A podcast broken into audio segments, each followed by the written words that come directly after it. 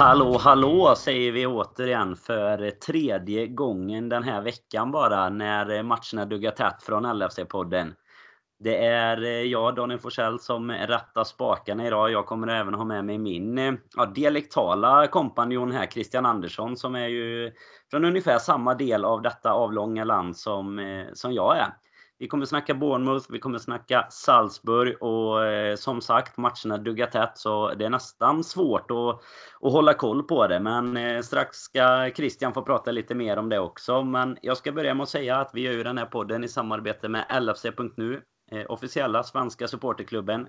Ratta in där, bli medlem, eh, var med på tävlingar och faktiskt just nu om du skyndar dig att bli medlem så är du även med i i julkalendern som är på eh, sajten 8 december idag. Så åtta luckor har öppnat så det finns några kvar innan jul att eh, vinna grymt schyssta priser på. Eh, men Krille, jag tar in dig här direkt. Jag behöver ju hjälp här nu för att hålla isär de här matcherna. Det var, vad känner du? Är det full fart? Är det skönt? Eller hinner du liksom landa någon gång emellanåt här?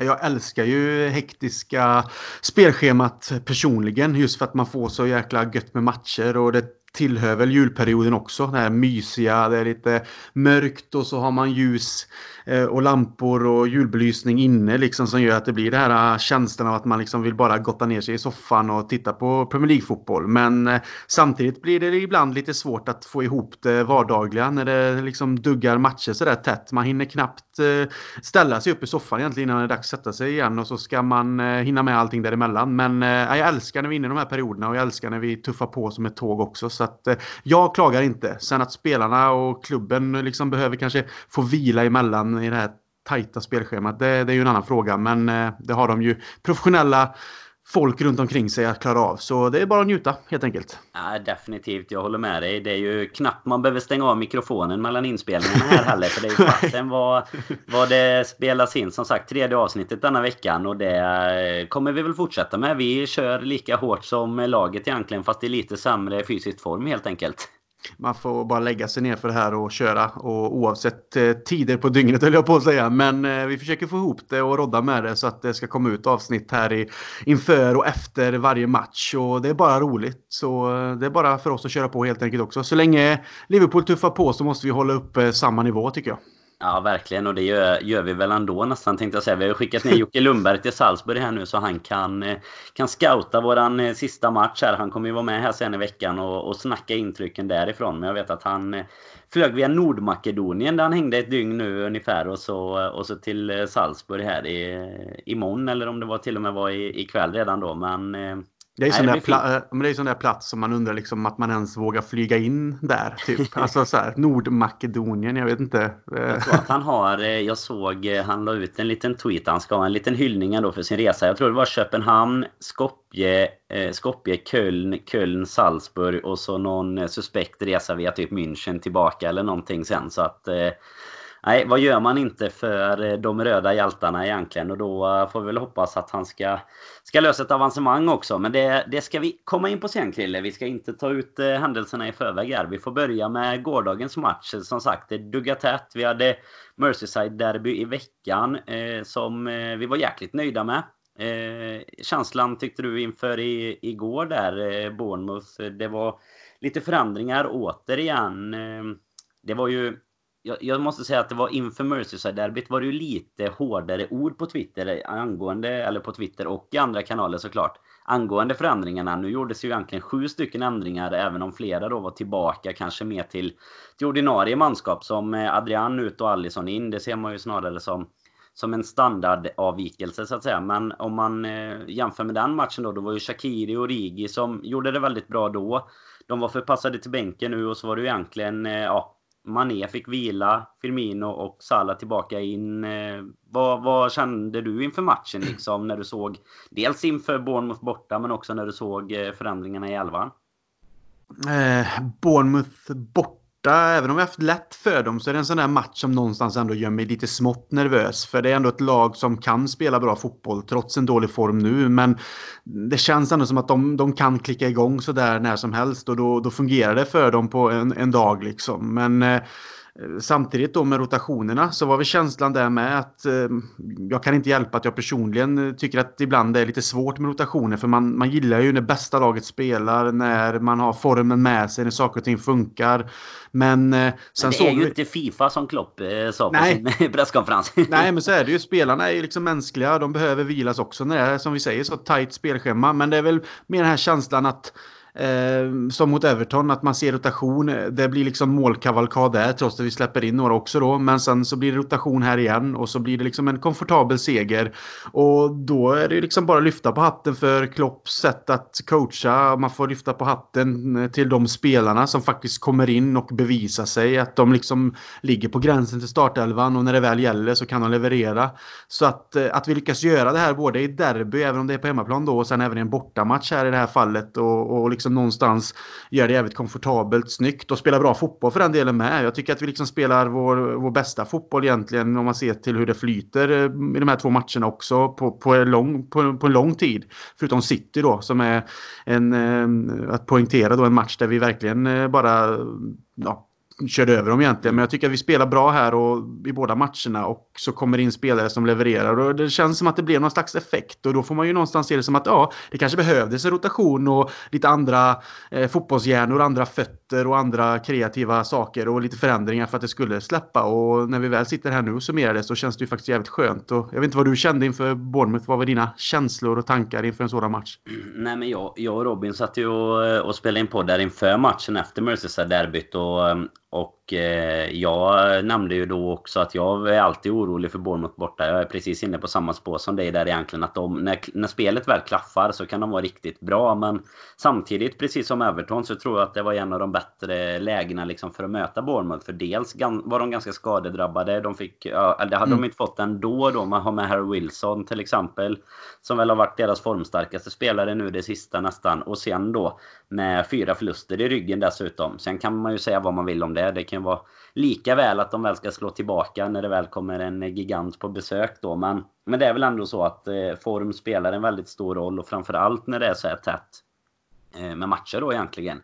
Och när, eh, när elvan kom, om man går in på det då, så var jag väl egentligen mest förvånad över att det var just det som jag nämnde tidigare med att Origi och Shakiri egentligen ställdes vid sidan i och med ja, hur bra de var mot Everton. Och, och att de har spelat så lite tidigare då gjorde att jag trodde nog att eh, någon av dem skulle kunna få, få kanske behålla sin plats. Eh, även om det då skulle vara till förmån för Mané istället för Salah till exempel. Men att de hade laborerat lite med elvan. Men jag kände inte alls, alltså när, när elvan inför Everton-matchen kom då kände jag lite så här, det här var jäkligt oväntat. Men när den här elvan kom då kände jag ändå att det här, det här kändes ändå ganska rimligt. Även om den kanske var lite mer offensivt balanserad än vad jag hade räknat med. Där man liksom kör in både Oxlade och Keita egentligen. Eh, och så tillsammans då med att Firmino och Salah sådär var tillbaka. Och sen var väl egentligen en av de större förändringarna som vi har diskuterat här innan. Det är ju när Trent försvinner och Gomes går in istället. Eh, även om om det är en sån här match där vi kanske förväntas kunna vara lite mer bollförande och, och sådär så, så är det ju kanske också det Trent behövs som mest när han kommer upp på kanten. Men jag tycker väl om man jämför med Napoli till exempel så, så gör ju Gomes en mycket bättre insats även om det då blev lite, lite rotation på det strax innan halvlek där men när, när Lovren gick ut skadad. Men det, det kommer vi ju till här lite senare också. Eh, men vi, jag tror att vi är ganska överens där om att rotationen har ju varit ganska bra ändå nu inför Salzburg så känns det ju skönt att alla har liksom fått vila ja, men nästan en hel match då. Firmino kom ju in i, i derbyt där men det är ganska skönt att Mané, Salah, Firmino och egentligen de flesta andra det är väl eh, ja, i backlinjen egentligen då som det, det inte har varit jättemycket rotation. Det är egentligen Robertson. Han lär ju inte han, han vilar inte innan eh, pensioneringen känns det som. nej, nej, men jag tycker att det känns jävligt bra. Jag menar, varenda gång det roteras så kan inte jag hjälpa än att jag känner ett litet sting av oro bara för att man vet att ett, ett, när det bästa, som jag sa innan, när det bästa laget ställs ut då vet vi att vi liksom, vi är ett av de bästa lagen i världen. Sen har vi ersättare när det blir rotationer som absolut kan göra jobbet, men vissa liksom syn, synkade grejer i laget kanske störs i sådana lägen. Men här får vi ju bevisat för oss oss när vi sätter oss ner och tittar på det att liksom eh, rotationerna är helt korrekt. De är smarta, det liksom lönar sig och spelarna som jag sa, de levererar. Så när man får facit i hand där, det, det är ju lätt så, såklart att sitta och säga när man har tagit sex poäng då på de här två matcherna när det har roterats. Men samtidigt så får man ju lita på att Klopp har koll och spelarna som kommer in och får chansen faktiskt har den hungern och vill göra det. Och det känns som att lagmoralen är så stark. Och det var lite det Shakira var inne på i sin intervju med. Liksom att Visst, han hade velat spela mer, men alla verkar vilja så jäkla mycket åt samma håll och vinna den här titeln och liksom kämpa för varandra. Så att det finns liksom ingen avundsjuka eller liksom missnöje, utan det känns som att alla verkligen är stark harmoni i truppen mm. och då hjälper nog det jävligt mycket när man kommer in som till exempel Shakiri, Origi eller i det här fallet nu då även Keita. Visst, han har varit skadad och så, men att man får komma in och och få chansen och att man tar vara på den. Och det känns som att det är lättare att ta vara på den när harmonin, harmon, harmon, kan inte prata nu, när harmonin är så hög. Och då ser man liksom att alla verkar tycka om att spela fotboll för Liverpool och alla är glada för varandra. Så att mm. eh, Därför tror jag också att det blir lättare. Men eh, det är skitskönt, precis som du säger nu, att det har blivit eh, liksom vila på, på många spelare som antagligen kommer att starta i den matchen vi kommer snacka upp sen då.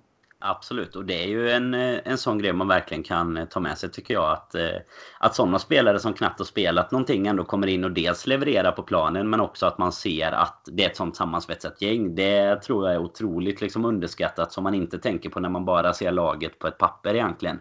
Och sen måste man ju hylla Klopp för hur han också har disponerat truppen i de här två matcherna i och med att det verkar ju som att han verkligen har har gjort sin läxa liksom och spelat eh, Aurigi mot Everton. Det vet alla numera att det, det är bara att sätta honom på plan så blir det mål. Men just att det är, är den här balansen på laget igår och att det var en balans i, i Merseyside-derbyt liksom som eh, uppenbarligen funkar även om vi ju faktiskt har haft eh, historiskt lätt mot Bournemouth. Det nämnde Robin när, när jag nämnde att jag var nervös inför matchen så vi hade ju 14-0 på de fyra senaste inför matchen och nu la vi till 3-0 till. Vi fick faktiskt en fråga på på Twitter om det här inför eh, avsnittet här också. Du, du kan ju få kommentera det lite. Det var Henrik Jonsson som skickade. Är Bournemouth liksom vårat inte boogie-team, det blir tvärtom. Det är det liksom vårt favoritlag att möta och varför varför tror du att vi har 17-0 på, på fem matcher egentligen mot eh, Bournemouth?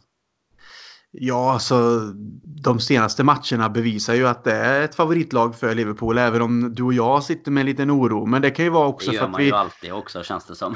ja, det är ju så. Det är väl bara för att det finns mycket att förlora. Alltså tappar man poäng, eh, liksom så, så liksom ett, ett gap.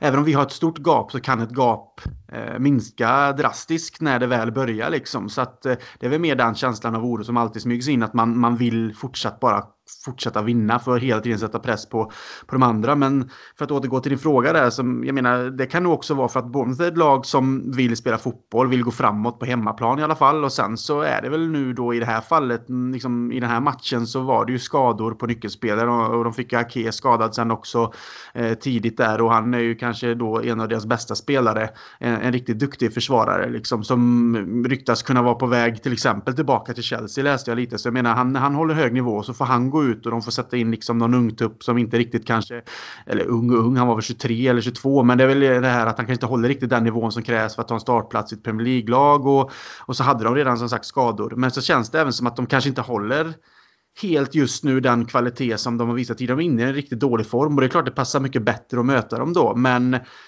Ja, alltså de senaste matcherna bevisar helt enkelt att vi har någonstans kanske fått ett eh, starkt övertag även mentalt över dem också. Mm. Och, och, vi är så pass jävla bra nu att vi är liksom oftast bättre än varenda lag. Trots att vi har vunnit med uddamålet och kanske inte visat upp våran bästa fotboll i, i vissa matcher under, under säsongen hittills så, så är vi så pass jävla bra att vi ändå då tar fram de vinsterna när de krävs. Men när vi väl då synkar som i den här matchen, liksom vi får spelet att flyta, samspelet mellan vissa spelare som vi kommer komma in på också, eh, fungerar. Vi är farliga, vi springer igenom linjer. Då är Liverpool fan livsfarliga. Och jag menar, då är det inte många lag som, som står pall, inte ens de bästa om man ser till exempel på City. Och då kan man inte förvänta sig att Bournemouth kommer göra det heller när vi väl har våran dag. Nej, absolut. Jag, jag tror att du är inne på rätt spår det här med att de är ett lag som gillar att spela fotboll. Alltså Eddie Howe har ju sin filosofi som han eh, hemskt gärna inte frångår skulle jag säga. Det är ju vissa människor som kanske skulle välja att och bara ställa laget på, eh, liksom på, eh, ja, ta bort bromspedalen säger man. Jag tänkte säga på gaspedalen, men det är definitivt det de inte kanske ska göra mot Liverpool egentligen. Men han, jag tror att hans filosofi, lite precis som egentligen Klopp, Guardiola och, och den typen av manager, den väger liksom så mycket över vad han kan tänka sig att göra för att ta en pinne mot Liverpool egentligen. Utan då vill han hellre spela för det. Och tycker ändå vi kan göra den lilla övergången. Du pratade om att de fick Ake skadad. Eh, och jag tycker egentligen fram till tills dess att han gick ut så står det ganska mycket och väger. Alltså vi har väldigt mycket boll. Men vi skapar inga jättechanser. Alltså det är något skott tror jag det Salah har innan målet som eh, Ramsey tar ganska lätt i famnen egentligen. Men eh, som ändå ett ganska bra läge om man säger så. Men sen dröjer det väl, är det en eller två minuter efter att han har, har lämnat egentligen så, så är det 1-0. Eh, till att börja med gör ju han, eh, Akero gör ju ett jättejobb. Alltså den, han räddar ju i stort sett ett mål i det läget han blir skadad. Alltså han gör en jättelöpning och en jättebrytning. Och sen tar det liksom ett par minuter och så är det istället en jätteboll ifrån Henderson, Oxlade på ett och mål. Eh, precis där han egentligen kanske hade varit, eh, Ake, om inte han hade gått ut då. Så eh, nej, det ligger väl någonting i det att eh, när, när de liksom tappar de här allra bästa spelarna, då blir de ganska svaga. Och i och med att de både saknade Joshua King och Harry Wilson då, så, så är det inte direkt någon udd framåt heller. Jag vet att du hade kikat på lite, lite statistik och så också gällande om man ska ta matchen i sin helhet då, där att vi var Ja, förutom att man såg att vi var överlägsna så bevisar även statistiken det ganska tydligt. Ja, och det var ju att vi hade eh, liksom 21 skott varav 9 på mål och de hade 3 skott, 0 på mål. Och bollinnehavet var ju också liksom talande och där vi hade 74 procent och de 26 procent. Och sen var det nästan, vi var uppe i nästan 900 passningar och de eh, kom upp på över strax 300.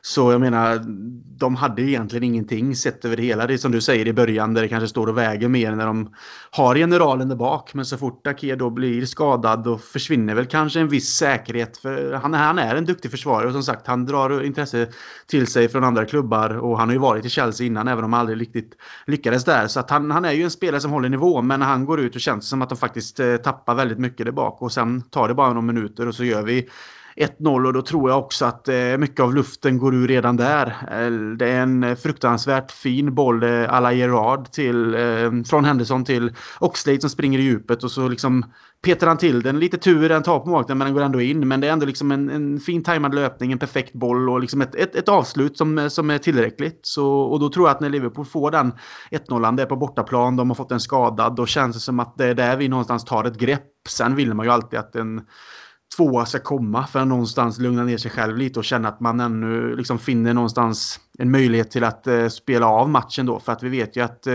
vi har släppt in bollar det senaste. Så att en 1-0 känns ju inte alltid så säker. Men igår kändes det som att vi någonstans tog eh, och höjde oss några nivåer vad gällde det. Att, att äga en match. Och det är tecken som jag verkligen tycker är positivt och som lugnar mig lite. Det är väl en av de stabilare matcherna som man kan eh, liksom komma ihåg i alla fall, tycker jag, denna säsongen. Som, som från egentligen 1-0 i alla fall verkligen kändes som att det var att, att vi egentligen spelar ut det. Men sen som du säger, det, i och med att vi alltid har, eller alltid ska jag inte säga, men att vi i stort sett i varje match har släppt in ett mål nu så, så sitter man inte riktigt säker med en, en 1-0 bara. Men sen då så, mm, så går det ju egentligen ganska fort. Eller Lovren går ut skadad också. Vi kan diskutera lite sen egentligen vad vi tänker jag inför Salzburg vad vi kanske tror om backlinjen nu. Vi kan ju nämna att Klopp sa efteråt att eh, han hade kunnat fortsätta att spela till halvtid och fått lite behandling efter det. Men att de tog ut honom som en försiktighetsåtgärd då. Så, mm. så förhoppningsvis så kanske han redan kan vara tillbaka till den matchen. Men, men det kan vi ta lite, lite sen också då. Men sen så har vi eh, egentligen de, de två kommande målen då. Så är det mm, Salah till Keita. En liten eh, ja, klack eller eh, suldragning om man ska kalla det. Vackert assist. Och han har tittat mycket på Firmino där, Salah. Ja, verkligen. Han gjorde något. Jag vet att han gjorde ett försök innan i matchen där jag bara tänkte att vad gör Alltså, liksom, du vet, han, han har ju inte riktigt samma finess tycker jag i, i den typen av bollar som Firmino har. Men sen då sista målet så är det ju samma firma egentligen då. Eh, två stycken spelare som har varit lite man ska inte kalla det bespottade, men Salah har väl varit lite tal om att han har varit lite ur form. Keita har ju inte spelat, han har dragits lite med skador och så fort han har kommit tillbaka så har han skadat sig igen. Och mm. vi, vi, har väl i mångt och mycket känt liksom att vi har ju absolut inte fått ut vad vi trodde att vi skulle få ut när vi, när vi fick in Keita. Men vad tycker du om om man bara isolerar deras två insatser i, igår med ett mål och ett assist var då? Ja, det är ju starka insatser för som, som du säger, Keita har inte spelat så att det är svårt egentligen att komma in i en match, starta en match och på ett sätt liksom leverera direkt. Men han gör ju det bevisligen och han eh, tycker jag var såklart en av de bättre spelarna. Han eh, vann en jäkla massa bollar. Jag tyckte jag läste någon statistik på att han vann flest bollar i Liverpool faktiskt. Eh, jag har ingen riktig källa på det, men jag läste någonting snabbt på Twitter där, vem som faktiskt bröt bollarna flest på mittfältet. Och var han som hade tagit mest. Det säger ju ändå en del om honom också som offensiv spelare, att han han kan sätta press och vinna bollar och sen även då kanske jaga hemåt också. Så att eh, förhoppningsvis får han vara skadefri och fortsätta på den här vägen. Sen säger jag inte att han direkt kommer att vara en startspelare utan det kanske är att han behöver eh, liksom sakta men säkert eh, ta sig in i laget i så fall. Men det vi fick se igår tycker jag ju att liksom att fan har man han på mittfältet på det sättet han spelar så så är det, ser det väldigt bra ut. Sen är det ju alltid svårt att peta någon av de andra eftersom att det också har sett bra ut. Men det är ju en lyx, ett lyxproblem helt enkelt. Men eh, Sala var ju också någon som steppade upp nu när Mané inte spelar. Så Mané har ju varit den som har frälst oss tidigare i matcher där vi vunnit med uddamålet då eller som varit våran kanske största lysande stjärna också. Men eh, Sala har väl inte riktigt eh, kommit upp till de nivåerna som han någonstans har satt själv den där ribban på hur bra han faktiskt eh, bör vara om man ska kalla det så från sina säsonger tidigare och jag kan ju förstå frustrationen från supportrar att han liksom inte hittar rätt det är bolltouchar som inte riktigt fungerar. Han tar fel beslut, avsluten är inte bra. Han gör kanske inte lika, eh, alltså många mål lika tätt som han gjorde första och andra säsongen. Men fullt förståeligt så kommer svackor när man redan har haft en sån hög nivå så märks det också tydligt. Samtidigt så är han en sån viktig spelare hos oss så att han ska ju spela för han tar ju mycket uppmärksamhet vilket gör att en sån som Mané till exempel får mycket mer tid och ytor att kanske göra sina mål. Men nu som sagt när Mané inte var med då lyfte Salah sig och så visar han än en gång liksom att han är en, en spelare att räkna med som, som håller högsta nivå. Så att det som är så kul då är ju att när, när den ena är ute går den andra in och, och liksom gör jobbet. Och det är väl som sagt det vi har suttit och tjatat om så himla länge i flera år att ha de där spelarna kunna rotera. Så att eh, nej, två spelare i Keita och Salah som verkligen visade vilket värde de har och hur bra de faktiskt är. Och det är en jävla lyx att ha dem i Liverpool. Ja, verkligen. Och, och i ett sånt här tätt spelschema som är nu så är det ju skönt att veta att man har igång liksom eh, Amin Keita, Oxlade, eh, Shakiri, Origi och de, de gubbarna egentligen. Jag såg att eh, vår poddkollega Robin Bylund twittrade ut att på tre halvlekar så har de stått för fem mål då om man drar Everton-matchen och nu denna eh, matchen då. Så jag menar, otrolig statistik från våra, våra bänkgubbar som varit lite... Ja, men det har varit lite eh, tugg om innan i alla fall att truppen inte har varit tillräckligt bred. Och, och det har den ju kanske inte varit om man jämför med Manchester City. Men jag menar, kommer Origi in och gör två mål och, och Keita kommer in och gör ett plus ett och så, så, så behöver vi inte så många andra spelare heller. Och detta har ju faktiskt inte ens varit i... Eh, i lägen där de har, har krävt att de ska komma in om man säger så för att man haft skador eller sådär. Utan här är det ju faktiskt ur, ur att vi har kunnat rotera och, och kunnat få vila nu då man är igen. Och det som du är inne på med Salah, det kan jag bara understryka att vi har ju sagt det många gånger såklart hur viktig han är för laget i övrigt. Men statistiskt sett så har han ju faktiskt haft en helt okej okay säsong ändå. Det är egentligen eh, alltså pinnarna som har missats, målen, assisten. Eh, tittar man på hur mycket han skapar och, och sådär så är han uppe på ungefär samma nivåer. Och det som det, det märks så tydligt tycker jag på honom för det som jag nämnde innan med lite skämtsamt om assisten att han kanske inte har samma finess som Firmino så har han ju inte heller samma tycker jag då bolltouch som Firmino som Mané sådär så att ser han lite svag ut en match så syns det så mycket tydligare. För då kan det vara liksom att bollen kommer en meter för långt ifrån honom och, och sådana där. Utan han är ju en sån spelare, så extrem poängspelare har han ju varit för oss. Det är ju inte en, en sån spelare som hela tiden ser eh, otroligt skarp ut med bollen vid fötterna och sådär tycker inte jag. Utan eh, snarare en liksom poacher och har ju givetvis mycket i sin repertoar. Men det ser alltid lite mer eh, Eh, inte tafatt, men jag tror du förstår vad jag är ute efter. Alltså det ser inte lika elegant ut varje gång när Salah gör det, även om han ändå ändå löser det till slut då. Men, äh, men som sagt, en 3-0 där, stabil eh, ja, stabil insats egentligen. Klopp hade ju eh, det kom ut uppgifter efter matchen om att vid 3-0 hade ju hade ju spelarna fått lite sådär tillsägelse att nu är det bättre att vi försöker satsa på att hålla 3-0 och lösa en nolla också.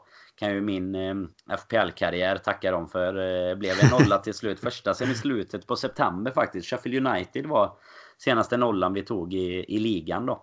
Så mm. eh, även om den karriären i FPL är rätt eh, död jämfört med Klopps i Liverpool så, så var det skönt att få in en nolla på kontot och det är ju bra för självförtroendet också. Alisson tillbaka efter en avstängning att hålla nollan även om han som du nämnde med statistiken, han hade inte särskilt mycket att göra men ändå viktigt att eh, backlinjen och, och målvakten får får känna på det faktiskt att man får hålla nollan. För det är ju någonting som ändå gnager lite tycker jag. Och det har ändå gnagt en själv lite också hela tiden. Att fan ska vi släppa in ett onödigt mål och göra det spännande och sådär.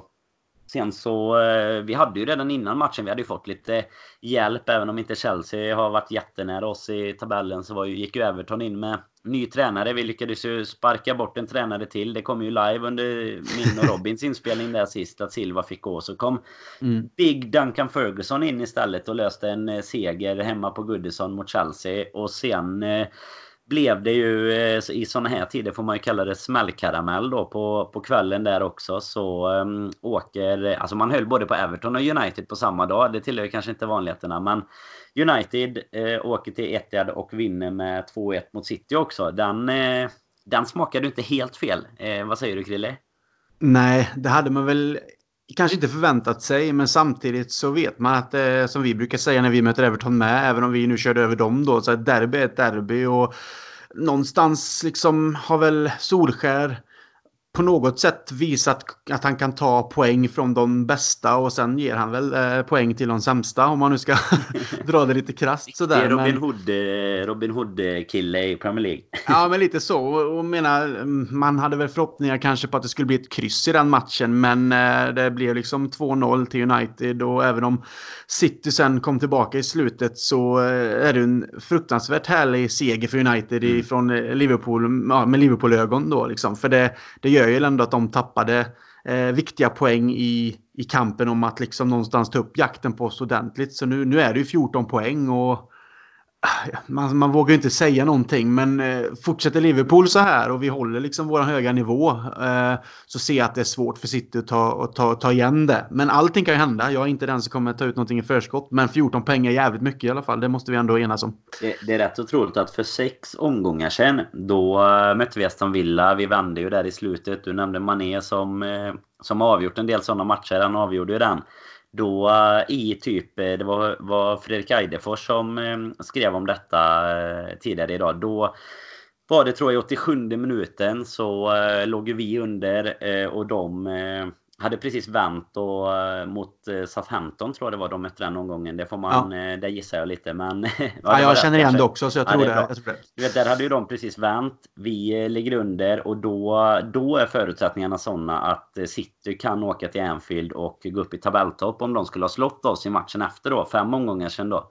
Mm. Nu eh, har det som sagt nu har det gått den matchen och sen fyra omgångar till och det är 14 poäng ner till City på tredjeplatsen nu. Det är ju helt sjukt alltså. Ja, det är det. Säger, det. Något om, säger något om hur eh, fort det kan gå. Det var det jag sa, eh, skrev till Fredrik själv där och svarade på det. Han skrev att eh, det, det, visar ju någonting om hur jäkla snabbt det kan gå. Vi vet ju också från förra året hur, hur snabbt det kan gå åt andra hållet. Vi hade ju 10 poängs försprång då eh, som blev uppätet liksom. Så att man vet ju att kommer man in i en, en ruggig form ett tag så, så kan det med poängen gå fort. Och då är det ju så här istället då att nu har ju Leicester spelat idag mot just Aston Villa med vann med 4-1 och nu är det helt plötsligt de som är våran, ja men vad man säger, huvudkonkurrent. Vad, vad, känner du liksom i tabellen? De är ju 8 poäng bakom kan vi säga efter sin seger idag. Sitter 14 poäng bakom på tredje plats då. Så det är ju det är rejäla luckor eh, uppe i toppen om man jämför med resten av Premier League-tabellen. Ja, och Leicester är ju ändå ett lag som man egentligen sedan de gick och vann Premier League-titeln har ju i alla fall jag personligen tyckt om att titta på. Liksom. De har ju försökt spela fotboll, de är ibland ett kontringslag men med, med Vardy längst upp men samtidigt har de väldigt spelskickliga spelare. Liksom, ett mittfält som är väldigt, tycker jag, är liksom attraktivt att kolla på. Och duktiga försvarare med. De har ju i alla fall eh, eh ersatt eh, Maguire utan problem. Liksom. Och det bevisar väl lite också vilken typ av medioker mittback han egentligen är. ja, det känns som att United har väl släppt in lite mer eh, mål. Siunko där som de tog från egna led. Han, eh, de har väl släppt in eh, minst mål i ligan just nu, Leicester. De har ju bäst bäst statistik där. De pratar faktiskt upp det en liten kort utsvävning här så pratar de upp det på Sky inför matchen idag. De ligger ju typ etta i alla defensiva records i hela ligan. I allt liksom i insläppta mål, chanser som är skapade mot dem och så vidare då. Mm. Så de saknar nog inte Harry. De tog nog de här 80 miljoner pund eller vad det var och mm. investerade dem väl istället ja, skrattade hela vägen till banken som man brukar säga. Men, ja, eh, men eh, nej, alltså Leicester är ju ett, ett lag som eh, man hade ju någonstans förhoppning om att Aston Villa i alla fall skulle kunna plocka något poäng idag på hemmaplan. Liksom. Mm. Men nej, det är starkt att vinna borta med 4-1 och de är inne i en stark form. Rodgers har hittat någonting där och kommer antagligen bygga vidare på det med. Så att det är klart, man ska aldrig säga aldrig. Jag, jag, ser, jag ser väl det kanske svårt att de går eh, liksom upp på samma nivå som oss egentligen i långa loppet om jag ska vara helt ärlig. Eh, men eh, man får aldrig räkna bort dem och jag tänker liksom inte, som sagt, tar inte ut någonting i förskott överhuvudtaget. Vi vet att det kan vända snabbt när det väl mm, liksom skulle bli en formdipp och de andra lagen plockar lite vinster och man själv tappar. Liksom, då blir det tajt igen. Så att, eh, nej, det gäller bara att fortsätta vinna för oss så håller vi oss dem bakom oss och sen mm. kommer det ju avgörande matcher här senare i julperioden också när ja, serien vänder senare också. Så att eh, nej, det, det, för oss är det bara att göra jobbet och sen får man hoppas att de andra då som likt City nu egentligen då att Leicester också stöter på plumpar på vägen, vilket såklart de eh, möjligtvis kan komma att göra. För även om de går bra nu så ser jag inte att de har den kanske styrkan att kunna gå hela vägen eh, egentligen. Det, det, det, är min personliga mm. åsikt i alla fall. Jag är väl eh, inne på samma spår. Jag tror, tror att vi diskuterade detta lite senast också. Eller om det till och med var, var kanske under podden Away-helgen där. Men, men det är i alla fall... Eh, ja, alltså jag hade ju hellre... Jag har hellre Leicester jagandes bakom mig än City. Alltså att det hade varit motsatt eh, förhållande. Att City hade haft 8 poäng och, och Leicester hade haft 14. Då, då tar jag mycket hellre att Leicester är bakom mig. Även fast de ser Absolut. extremt... De ser ju extremt fina ut. De spelar ju ja, spela ut i stort sett eh, Villa idag tycker jag. Så att, eh, och har väldigt bra form. Sen har de också haft, precis som vi har haft, lite sån här eh, med, medgång liksom som ett eh, lag i form har. Eh, någon, den här mot Everton där de avgör på, eh, får ett mål bortdömt för offside egentligen då. Men som visar sig att det inte var offside. Och det är ju några millimeter skillnad där och så blir det 2-1 och så får man sina tre poäng liksom. Och vi har ju fått en, en fråga här faktiskt på Twitter. Vi, nu har vi ju pratat lite om det men eh, vi kan utveckla det ytterligare lite just om själva titelracet då. Det var en av våra trogna lyssnare vet jag, Henke Karlsson där jag träffade honom faktiskt när vi var över på Podden Away också. Han var inte med på just den resan men träffade honom på Sandon och, och skålade någon, eh, någon gyllen eh, dryck där eh, som, de, som de serverade gott i, i pubarna.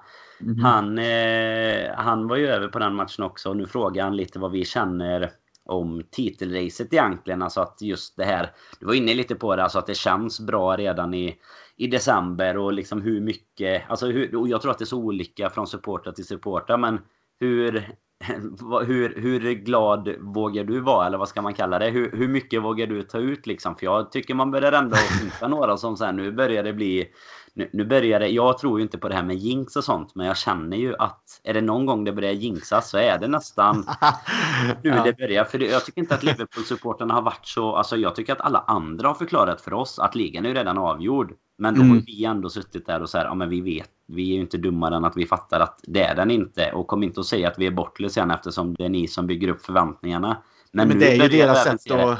Ja, fast nu börjar jag ändå se det i de egna leden också. Tycker okay, ja. jag börjar eh, skymta. Och jag är ju livrädd för sånt där. Även fast jag, det inte har något med jinxande och sånt att göra. Men jag, det är ju så här, it ain't over until the fat lady sings liksom. Ja. Vad är din känsla för titelracet? Ja, först och främst som, som du säger när, när, du pratar om det här med att andra, eh, kanske både supportrar till andra lag och i media och liksom profiler går ut och säger att eh, det, det, det, blir svårt för andra lag och att Liverpool någonstans redan skulle ha vunnit en titel. Det, det håller jag absolut inte med om och jag förstår att de gör det kanske mest då supportrar till andra lag för att det är någon slags försvarsmekanism att bara, det, det, det, det, är liksom, det är färdigt och sen skulle då Liverpool tappa och City eller Leicester gå om, ja då är det lätt att komma och säga sen liksom utan att man någonstans har byggt byggt upp några förväntningar kanske från deras håll att ah, vi lyckades ändå och, ni, och det var ni som tappade liksom. Men eh, min personliga åsikt är egentligen att jag just nu för stunden eftersom att ja, jag, det är helt enkelt så att den här jävla Premier League-titeln längtar man så innerligt efter och har gjort i så många år nu och eh, jag menar ända sedan egentligen att man var tonåring och liksom både spela fotboll själv. Uppväxten egentligen fram genom tonåren och sen vuxna åren när man liksom någonstans både har tittat på fotboll, lärt sig fotboll, spelat fotboll själv, eh, bott i England för den delen i ett antal år och liksom någonstans alltid haft förhoppningar att vi ska någon gång ta den här jävla titeln. Så just nu när vi ligger i det här läget som vi gör, vi har ett lag som är så pass slagkraftigt att faktiskt klara av jobbet. Eh, City är ett lag som tappar mycket poäng nu. Vi har Leicester närmast bakom oss och det är som sagt all respekt till dem för de är ett fantastiskt duktigt fotbollslag. Ehm, det jag försöker göra är att stanna upp i stunden och njuta av situationen som vi befinner oss i. Och jag tar absolut inte ut någonting i förskott. Och jag eh, tillhör inte den skaran som på något sätt i våra egna led sitter och säger att ja, men nu börjar det likna något. Det är klart att jag bygger upp en känsla att ah, fan vad gott när City förlorar nu mot United. Kan Leicester tappa poäng? Ja, men vi har ett, vi har ett eh, starkt försprång. Vi, vi, vi, har råd att tappa någon poäng också i en svårare match. Ett kryss till exempel. Vi har råd med det och det, det, det är jävligt skönt att känna den känslan med. Men eh, som vi sa här innan, det kan gå så jäkla snabbt. Så att jag, jag försöker bara njuta match för match. Eh, vara professionell på det här sättet i mitt supporterskap. Att det, det, är match för match som gäller. Att ja, nu, nu tog vi tre poäng här, nu är vi vidare till nästa. Däremot, om vi ligger i samma läge framåt vårkanten med 8-10 poängs skillnad då kanske man kan börja slappna av på ett annat sätt. Men eh, jag njuter för varje match i den stunden som är och sen så får jag låta de andra matcherna komma och se vad vi gör där och se vad våra motståndare gör. Så att eh, nej, jag, jag vågar inte ta ut någonting i förskott helt enkelt utan helt enkelt njuta av hur vi, i den situationen vi är. Ja, tråkigt nog måste jag ju säga att vi är nog ganska lika där. vi är ju utanför Borås från början båda två. Precis. Så det ligger väl i rötterna där. I... Vi är uppvuxna i samma trakter ungefär. Och, precis. Och, men jag tror också det, det är där jag tror att... Eh, och det, det har vi pratat om egentligen ända sedan... Ja, någonstans i mitten på förra säsongen. Att man man kanske behöver zooma ut lite. Alltså när matcherna väl kommer då, då sitter man ju på nålar liksom och, och sådär. Men jag tycker ändå att man... Du, du säger något viktigt där att man behöver liksom zooma ut och njuta lite under tiden också. För det är ändå hela, hela vägen liksom fram, hela säsongen ska ju ändå ska ändå spelas innan några titlar och sådär delas ut. Och då eh, kan man bara alltså titta på Liverpool just nu och njuta. Och det märker man ju bara överallt. Liksom häckel, häckleri som man får från, från andra supporter och sådär så märker man ju att, eh, att de är rädda för vad som kan hända. För att eh, så här, den här situationen har liksom Alltså folk, har, folk har ju alltid gillat att, att kasta skit på Liverpool-fans och sådär. Eh, just för, för vad det är stor klubb och, och, hela den här biten. Men nu märker man att det har ju tagit liksom en ny nivå från de motståndarsupportrarna som, som ens orkar bry sig om sina lag längre. Liksom som håller på Arsenal eller United och sådär. Som, som ligger långt, långt bort i tabellen och inte är med i de här diskussionerna. Liksom. Där, eh, där märker man ju att, eh, att det går bra för Liverpool. För man hör ju det lite extra tunga och bittra i deras röst och det är ju för jäkla skönt alltså. Så det, ja, man, kan det... njuta, man kan njuta både av spelet på plan och man kan njuta av liksom allt runt omkring. Du nämnde det innan, hela truppen känns som det är en extrem harmoni. Hela klubben känns som det är en extrem harmoni liksom mellan mm. supportrar och, och spelare och sådär. Eh, det känns som att allt liksom genomsyras av av någon positivitet som ändå är byggd på att det, vi har ju nämnt innan med att oavsett vad som skulle kunna hända den här säsongen så känns det inte som att detta är liksom ja, enda gången det kommer kunna hända. Vi nämnde sist att vi slog rekord. Nu, nu liksom förlängde vi ytterligare våran förlustfria svit och vi, vi är liksom poängmässigt statistiskt på väg mot rekordhöjder och sådär så att man man får verkligen bara njuta av att man ser ett eh, och får uppleva ett Liverpool-lag som är ja, men typ det bästa vi antagligen kanske kommer att se. Det får gärna fortsätta i liksom en lång ehm, 25-årsperiod så att eh, hela den perioden var jäkligt bra. Men jag, jag, tror man får inte bara sitta och försöka leta upp det här negativa. Aha, nu var det en felpass av eh, Lalana eller vem det var just i den matchen. Utan det är så här ja, vinner vi med 3-0 ändå så, eller vi vinner ett Merseyside-derby på, liksom där vi går på mm, alltså 110% intensitet och vinner det med 5-2 så, så kan man bara, jag tycker bara man kan njuta lite av det. Eh, man, man får gärna leta fel och sådär men jag tycker det är svårt för oss att sitta och leta den typen av fel som det alltid är mycket lättare att podda efter en förlust till exempel. För då har man ju alltid, då vet man ju vad man ska prata om. För det är alltid någon, några situationer som liksom har lett till ja, men det som blev fel till slut. Men nu tycker jag bara att det egentligen är, är gött att få sitta och, och för en gång skulle vara liksom on top of the world. Och sen eh, är det mycket som kan hända. Det är ju det vi, vi försöker namna med. Att man ska inte säga att något är i närheten av klart. Men det är ändå eh, det är en härlig resa att vara ute på just nu i alla fall. Men Krille, om vi ska eh, nämna det också. Jag, jag snackade om det innan vi ska förflytta oss lite mot Salzburg. Jag tänkte ja, men vi kan ju ta det på lite inför, eh, både inför Salzburg och efter Bournemouth här då. Lovren gick ut skadad som sagt. Eh, verkar inte vara sådär jätteallvarligt. Gomes flyttades in istället. Vad, vad tror du nu? Matip var ju inte med i VM-truppen nu som kommer heller. Så att han känns ju inte som att det ligger någon comeback jättenära till hans. Vad börjar det bli? Vi fick ju någon liten fråga, jag vet inte om jag ska kalla det kris, men frågan var ändå sådär. Börjar det bli en, en mittbackskris i Liverpool nu eller vad, vad känner du kring den positionen? Och vad, tyckte, vad tror du förresten om det då blir om det blir Gomes som går in till exempel? Vad tror du? Eh, hur, hur kan det påverka laget? För han har ju, det har vi pratat om ganska mycket den här säsongen. Han var ju otroligt fin första halvan förra säsongen, skadade sig och sen har han ju haft det kämpigt får man väl säga minst sagt. Ja, och det har vi också som du säger pratat om och det är tråkigt att se för att när han spelade första halvan av förra säsongen så tillhörde han liksom eh, toppen av mittbackar i Premier League och kanske i Europa också med sin unga ålder. Jag tycker att liksom han har egentligen gått från klarhet till klarhet sedan han kom till Liverpool som typ 17-åring och tagit de här stegen i sin utveckling som hela tiden visat att han är på väg framåt och sen kommer en svår skada och eh, alltså det är svårt att komma till liksom baka från sådana skador och sen har du spelare som Matip då som går in och, och liksom gör det riktigt, riktigt bra på en världsnivå. Och så har du Lovren som när han går in gör det bra och så kanske du själv ska komma upp i ett matchtempo. Så att det är klart att det är svårt, men jag blev positivt eh, liksom eller jag fick positiva känslor igår när han eh, fick ändå då eh, flyttas in som mittback när Lovren gick ut. Sen att han fick gå in som mittback på grund av att Lovren gick ut är ju inte positivt. Men det jag såg av Gomes i den rollen däremot glädjer mig jättemycket. Och det, Eh, jag menar,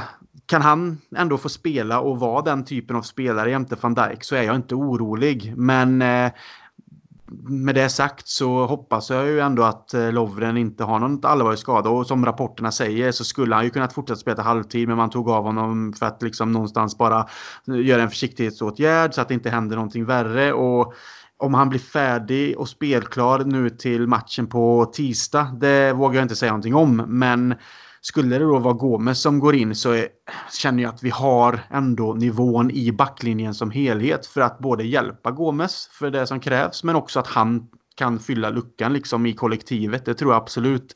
Men jag hoppas ju att då att till exempel då Lovren är tillbaka snart om Matip nu håller sig borta lite längre så att vi inte hamnar i en situation där vi bara har Gomes. Så att eh, lite av en typ kris skulle väl vara om, om Lovren har känningar och det händer någonting mer såklart. Men jag är inte orolig just nu i alla fall. Så att det är ingenting jag känner att, eh, ja, att det skulle gå åt helvete. Sen hade det väl varit lite skönare också om det varit så att Fabinho inte var skadad. För hade det mm. krävts så hade han kunnat gå ner också. Men nu är han borta ett tag. Så att eh, nej, jag, jag tror ändå att eh, Gomes kan göra jobbet om, om det krävs. Ja, och nu, nu är ju problemet också som eh, vi snackade om här i början att matcherna kommer ju ganska tätt nu. Det är ju som sagt det är Champions League nu mot Salzburg avgörande match egentligen. Eller det är det ju en avgörande match för oss eh, trots att vi ligger som gruppetta nu då. Spelas ju redan på tisdag. De spelas tidigt. Inte för att det kanske gör så mycket för Lovren om det är tre timmar hit och dit. Men de spelas ju strax innan sju är det avspark nere i Salzburg då.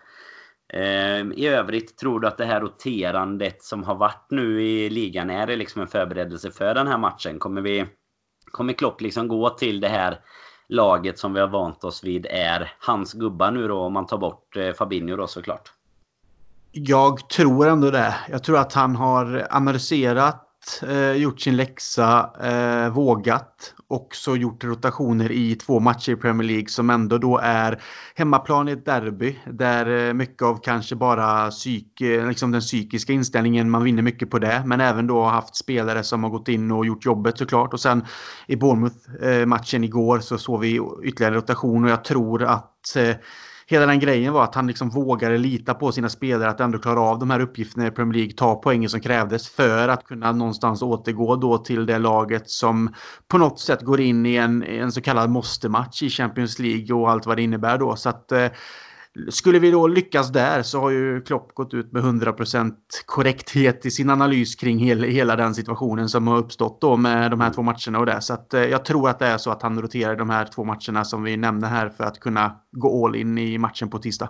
Vad, vad är din känsla här på förhand då? Vi kan ju nämna lite snabbt då förutsättningarna. Jag tror att vi drog dem även efter Napoli-matchen. Men vi leder ju gruppen på 10 poäng. Napoli 2 på 9. Salzburg är 3 på 7 poäng.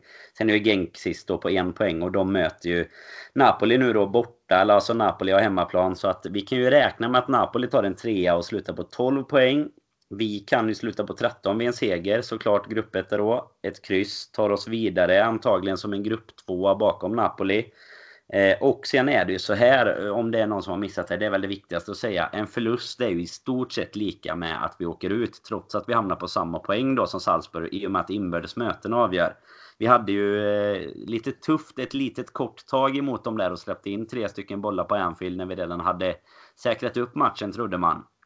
Eh, vinner till slut med 4-3 men eh, det avgörs ju egentligen inbördes möten precis som ett dubbelmöte i ett slutspel. Till exempel då att skulle skulle de vinna här med 2-1 till exempel så går de vidare på att de gjorde fler bortamål eh, mot oss. Och sen har de dessutom kan vi nämna då att skulle det bli 4-3 till exempel. Då har de en eh, målskillnad som är bättre. De vann ju bland annat mot eh, Genk där tror jag det var med 6-1 i första omgången. Så att eh, de, de har en bra målskillnad. De har en otroligt stark målskytt i Norrbaggen Håland där. Jag vet att jag sa det till Robin när vi snackade lite om det då att hade man fått välja på förhand så hade jag ju gärna tagit en match mot Salzburg borta som med min kniven på strupen matchen. Men nu vet jag inte om jag riktigt står fast vid det längre. Men vad, vad är din känsla Krille? Alltså det, jag menade att jag hade gjort det innan Champions League började. Men nu när man har sett dem då... Jag tycker att de har imponerat. Ja, ja, de har varit jättebra. Spelat fin fotboll. Eh, många duktiga spelare som man inte alls hade koll på innan men som har tagit kliv som på något sätt har satt dem på världsscenen liksom. Så att eh, eh, och absolut då först och främst Håland som bara gör mål efter mål och är liksom en ung, ung, ung spännande spelare.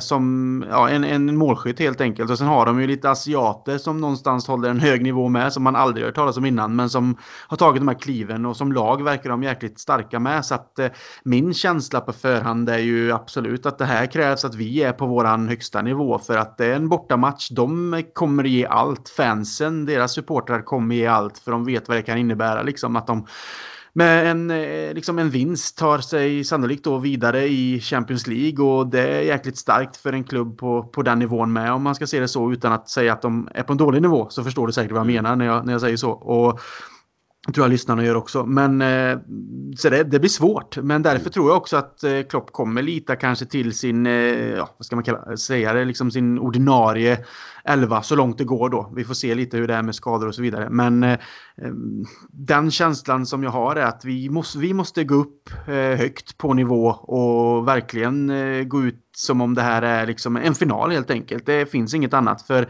annars tror jag att det kan bli riktigt farligt. För blir det målkavalkad också så, eh, jag menar, det känns som att man behöver gå ut och någonstans säkra en seger, en så här komfortabel som mot Bournemouth. Men det är ju kanske lättare sagt än gjort i en sån här typ av match. Men eh, nej, nivåerna mm Eh, alltså vi har spelat väldigt bra de senaste två matcherna så jag ska inte säga någonting om. Men det känns som att i en Europamatch eh, i, ett sånt här läge så måste nivåerna upp och koncentrationsförmågan vara på max. Och någonstans känna att vi, vi är det större laget här. Vi är regerande mästare. Liksom, nu gäller det att vi krigar till oss den här vinsten. Och jag vågar absolut inte sitta och säga att det kommer bli en eh, enkel match eller att eh, på något sätt eh, liksom ja, att vi är så mycket bättre. För det här känns som ett hungrigt lag som kan ställa till problem för oss. De, eh, det finns ju vissa likheter tycker jag med Bournemouth. Alltså de har ju en, eh, en extrem eh, liksom, talang för att just göra mål. De gör, snittar alltså nästan fyra mål per match om man räknar Champions League och ligan denna säsongen. De har gjort 64 mål på 17 matcher i ligan och 16 då på fem matcher i Champions League. Eh, sen är det ju däremot så att de släppte in fyra mål mot oss till exempel. Alltså det, jag tycker att det är ett sånt lag som som när man, de, matcherna man har sett det har egentligen varit i Champions League då såklart Det är inte jättemycket mycket koll på deras inhemska ligaspel så sett. Men det tycker jag man märker att de är väldigt balanserade på det sättet att de har... Alltså de, de är ju lite överbalanserade offensivt om man säger så. De kan göra extremt mycket mål men de kan också läcka lite bakåt. Framförallt mot världsklasspelare som vi har i vårt lag.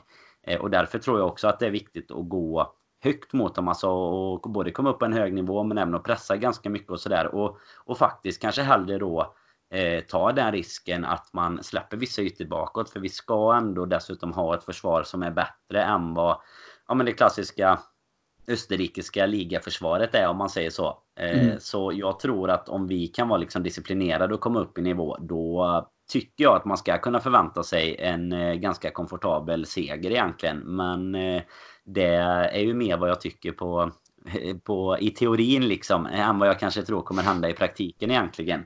Mm. För eh, det kan nog, alltså alla förutsättningar för att det ska bli en jäkligt rolig match tycker jag finns. Det är två offensiva lag som, som gillar att gå framåt liksom. Eh, och sen är det ju alltid speciellt för jag menar det är klart att Salzburg spelar en en match i Champions League där de eh, egentligen har allt att vinna. Jag menar det är ingen som hade trott på förhand att de skulle kunna utmana Liverpool eller Napoli om att gå vidare. Eh, de eh, alltså, har, måste ju egentligen gå in och vinna matchen då så det är ju också så att det gör ju ytterligare, lägger ytterligare till för deras del att de verkligen kan satsa framåt och så plus att det kanske är lite once in a lifetime för vissa av de spelarna och få, få uppleva den typen och det ska man ju inte heller underskatta att ett hungrigt lag liksom det, ehm, det kan bli tufft ändå om man säger så.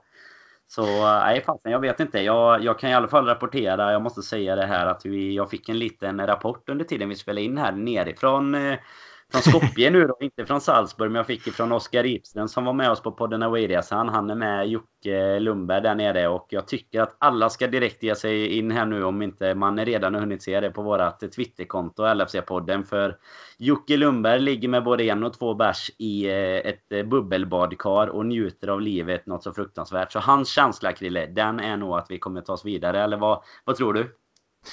Ja, alltså känns det som att han njuter sådär oavsett hur det går i några matcher. Så känns det som att man alltid ser Jocke bara vara iväg och njuta liksom. Oavsett resultat och hur det går. Så, men eh, det ger ju en skön känsla i alla fall. Som sagt, jag tycker att man ska in och följa oss på Twitter och Instagram och våra kanaler där. För det händer ändå en del roligt. Och det är kul när vi liksom har någon i podden. Eller som eh, ni var iväg nu, jag kunde ju inte vara med på podden Away. Och det händer sådana saker. Då är det jävligt kul. Och även om man önskar att man hade varit med själv så är det fruktansvärt kul att faktiskt följa med på resan genom sociala kanaler. Så att, eh, nej, det tycker jag att man ska göra. Men känslan som Jocke ger här med de här bärsen i handen i ett i ett eh, ja, öststatsbadkar någonstans. Det, det ger ändå lite positiva vibbar här. Så han håller ju upp liksom två ölburkar där i en bild. Så min känsla kanske skulle vara att Liverpool vinner med 2-0 borta då helt enkelt. Ja, för att det är lite oraklet Jocke som här ligger och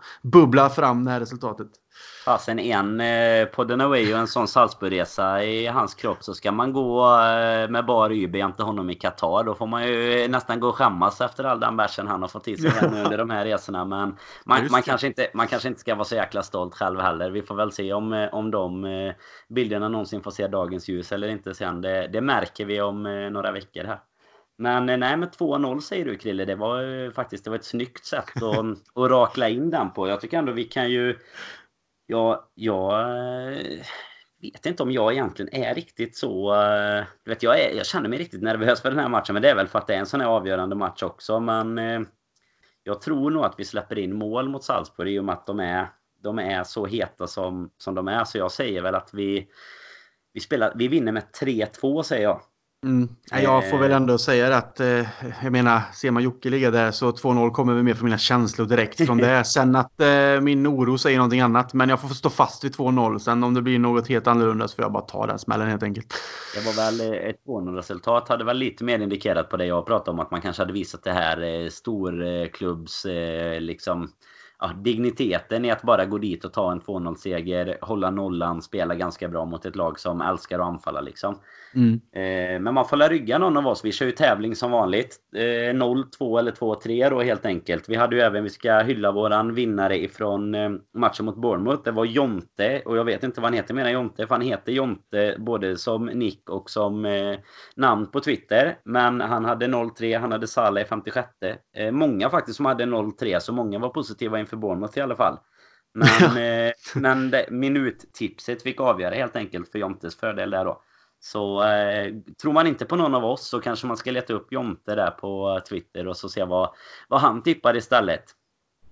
Men med det sagt Krille så har vi väl egentligen fått, eh, fått sagt vad vi vill för denna gången. Så kommer vi vara tillbaka här extremt snart igen. Det blir ju efter Jockes hemkomst då som sagt. Vi ska ju se, jag tror du hans röst kommer hålla för ett avsnitt framåt torsdag kanske han har fan vilat så jävla länge nu också så att hans röst ska fan hålla för ett poddenavsnitt trots eh, de här resorna som kommer liksom back to back. Så att eh, nej, det, skämt åsido ska, ska det bli intressant att höra oavsett eh, utgången i matchen så, så blir det alltid intressant att höra en rapport om hur det var på plats och så vidare. Men jag fick faktiskt en känsla här med, jag vet vi la ut på LFC-podden i, i morse att det ligger ju i tiden. I, idag är det ju som sagt 15 år sedan sedan Steven Gerrard dundrade in det där målet mot Olympiakos som tog oss vidare till Champions League-slutspel. Så det kanske ligger någonting i luften här att vi ska göra någonting liknande legendariskt. Att vi vinner mot Salzburg och tar oss vidare på ett sånt där lite svårare sätt. Men ett legendariskt sätt som skriver in sig i historieböckerna. Och så går vi långt i Champions League och kanske vinner vår andra raka. Så vi får väl någonstans se att det ligger kanske förhoppningsvis hand i hand här om man vågar på något sätt uttala sig så. Om du tror att någon eh, spelare i dagens trupp ska göra det målet som Gerard gör, vem, eh, vem kommer sätta dit det målet på tisdag då? Då är det ju Oxlade i så fall. Ja, är det Robertson, lovely cushion header.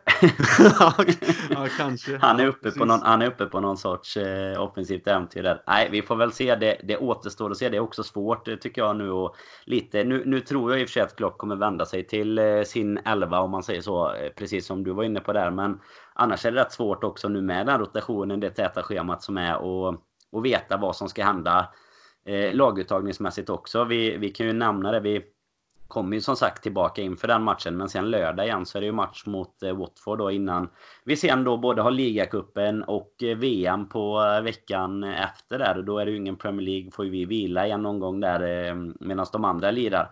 Och då är det ju faktiskt så också lite roligt kommer vi väl återkomma till. Men då medan vi spelar VM då möts ju faktiskt Manchester City och Leicester också. Så det mm. Vårat läge kan liksom förbättras utan att vi ens spelar om man säger så. Alltså kryssa dem till exempel eller City då faktiskt eh, tar en seger så, eh, så kan vi ha en match eh, till godo och ändå samma avstånd vidare då. Så nej, fina tider väntar. Högvarv i poddfabriken, högvarv för spelarna och Får väl nästan på se om du får dra ett specialavsnitt där Krille på ligacupmatchen sen också. För det blir ju eh, vad det verkar som nu efter VM-truppen kom så eh, blir det ju extremt spännande bara att få se den. kommer nästan vara mer spännande att se laguttagningen där några timmar innan än vad det är att se själva matchen sen faktiskt. T-ladies som går ja. in som sagt. Det är liksom de här... De två fina damerna i köket där på topp. ja, alltså, och, och så Oxlade bakom. Han stannar hemma för att han bara vill vara med och spela med dem i, ja. i Nej, men Eh, Birmingham där. Nej, men det är som du säger, det händer väldigt mycket nu både för Liverpool och vi försöker hålla eh, tempot. Och sen som du nämnde här tidigare så är ju du och Jocke i Qatar med för att följa Liverpool på plats där. Så att eh, det är ju en jävla resa i sig. Så det ska också bli kul att, att, följa. Så glöm inte att det kommer komma säkert lite rapporteringar där också som ni lyssnare kan gå in och följa i sociala kanaler och lite eh, extra rapporter även i poddform också. Så att eh, det är kul som sagt. Jocke är iväg nu, ni är iväg sen och sen kommer det ju en podden away till våren. Så att eh, nej, mycket roligt som händer kring Liverpool och det börjar med att vi som sagt förhoppningsvis då tvålar till Salzburg med, med 2-0 enligt mig då på, eller Jocke ska jag säga, enligt Jocke. Ja, precis. På, enligt Jockes bärs i badkaret så blir det 2-0 på tisdag. Nej, men eh, som, du, du säger ju det där, alltså in och följ oss eh, om ni inte redan gör det. Twitter är det ju framför allt, men även Instagram såklart vad gäller bilder och så. Från, ja, men precis. Och vad gäller bilder och så från det här, för vi, vi hoppas att ni tycker att det är jäkligt kul. Det går inte riktigt få ut eh, allt man vill i detta formatet heller. Så eh, vi, vi ska nog även lösa lite extra poddar runt där såklart. Men, men även lite bilder och, och kanske en och annan periscope med. Det vet vi brukar vara populärt hos, eh, hos våra lyssnare och tittare som man ju faktiskt blir då. Mm. Men eh, med det sagt Krille, tack för idag. Stort tack som eh, vanligt till alla som har lyssnat. Det är eh, ni som gör det helt enkelt. Och sen in och rygga mig Krille eller Jonte i tipstävlingen på tisdag. Lägger upp den på tisdag morgon där på våran Twitter, LFC-podden. Så tills vi hörs igen får ni ha det riktigt gott.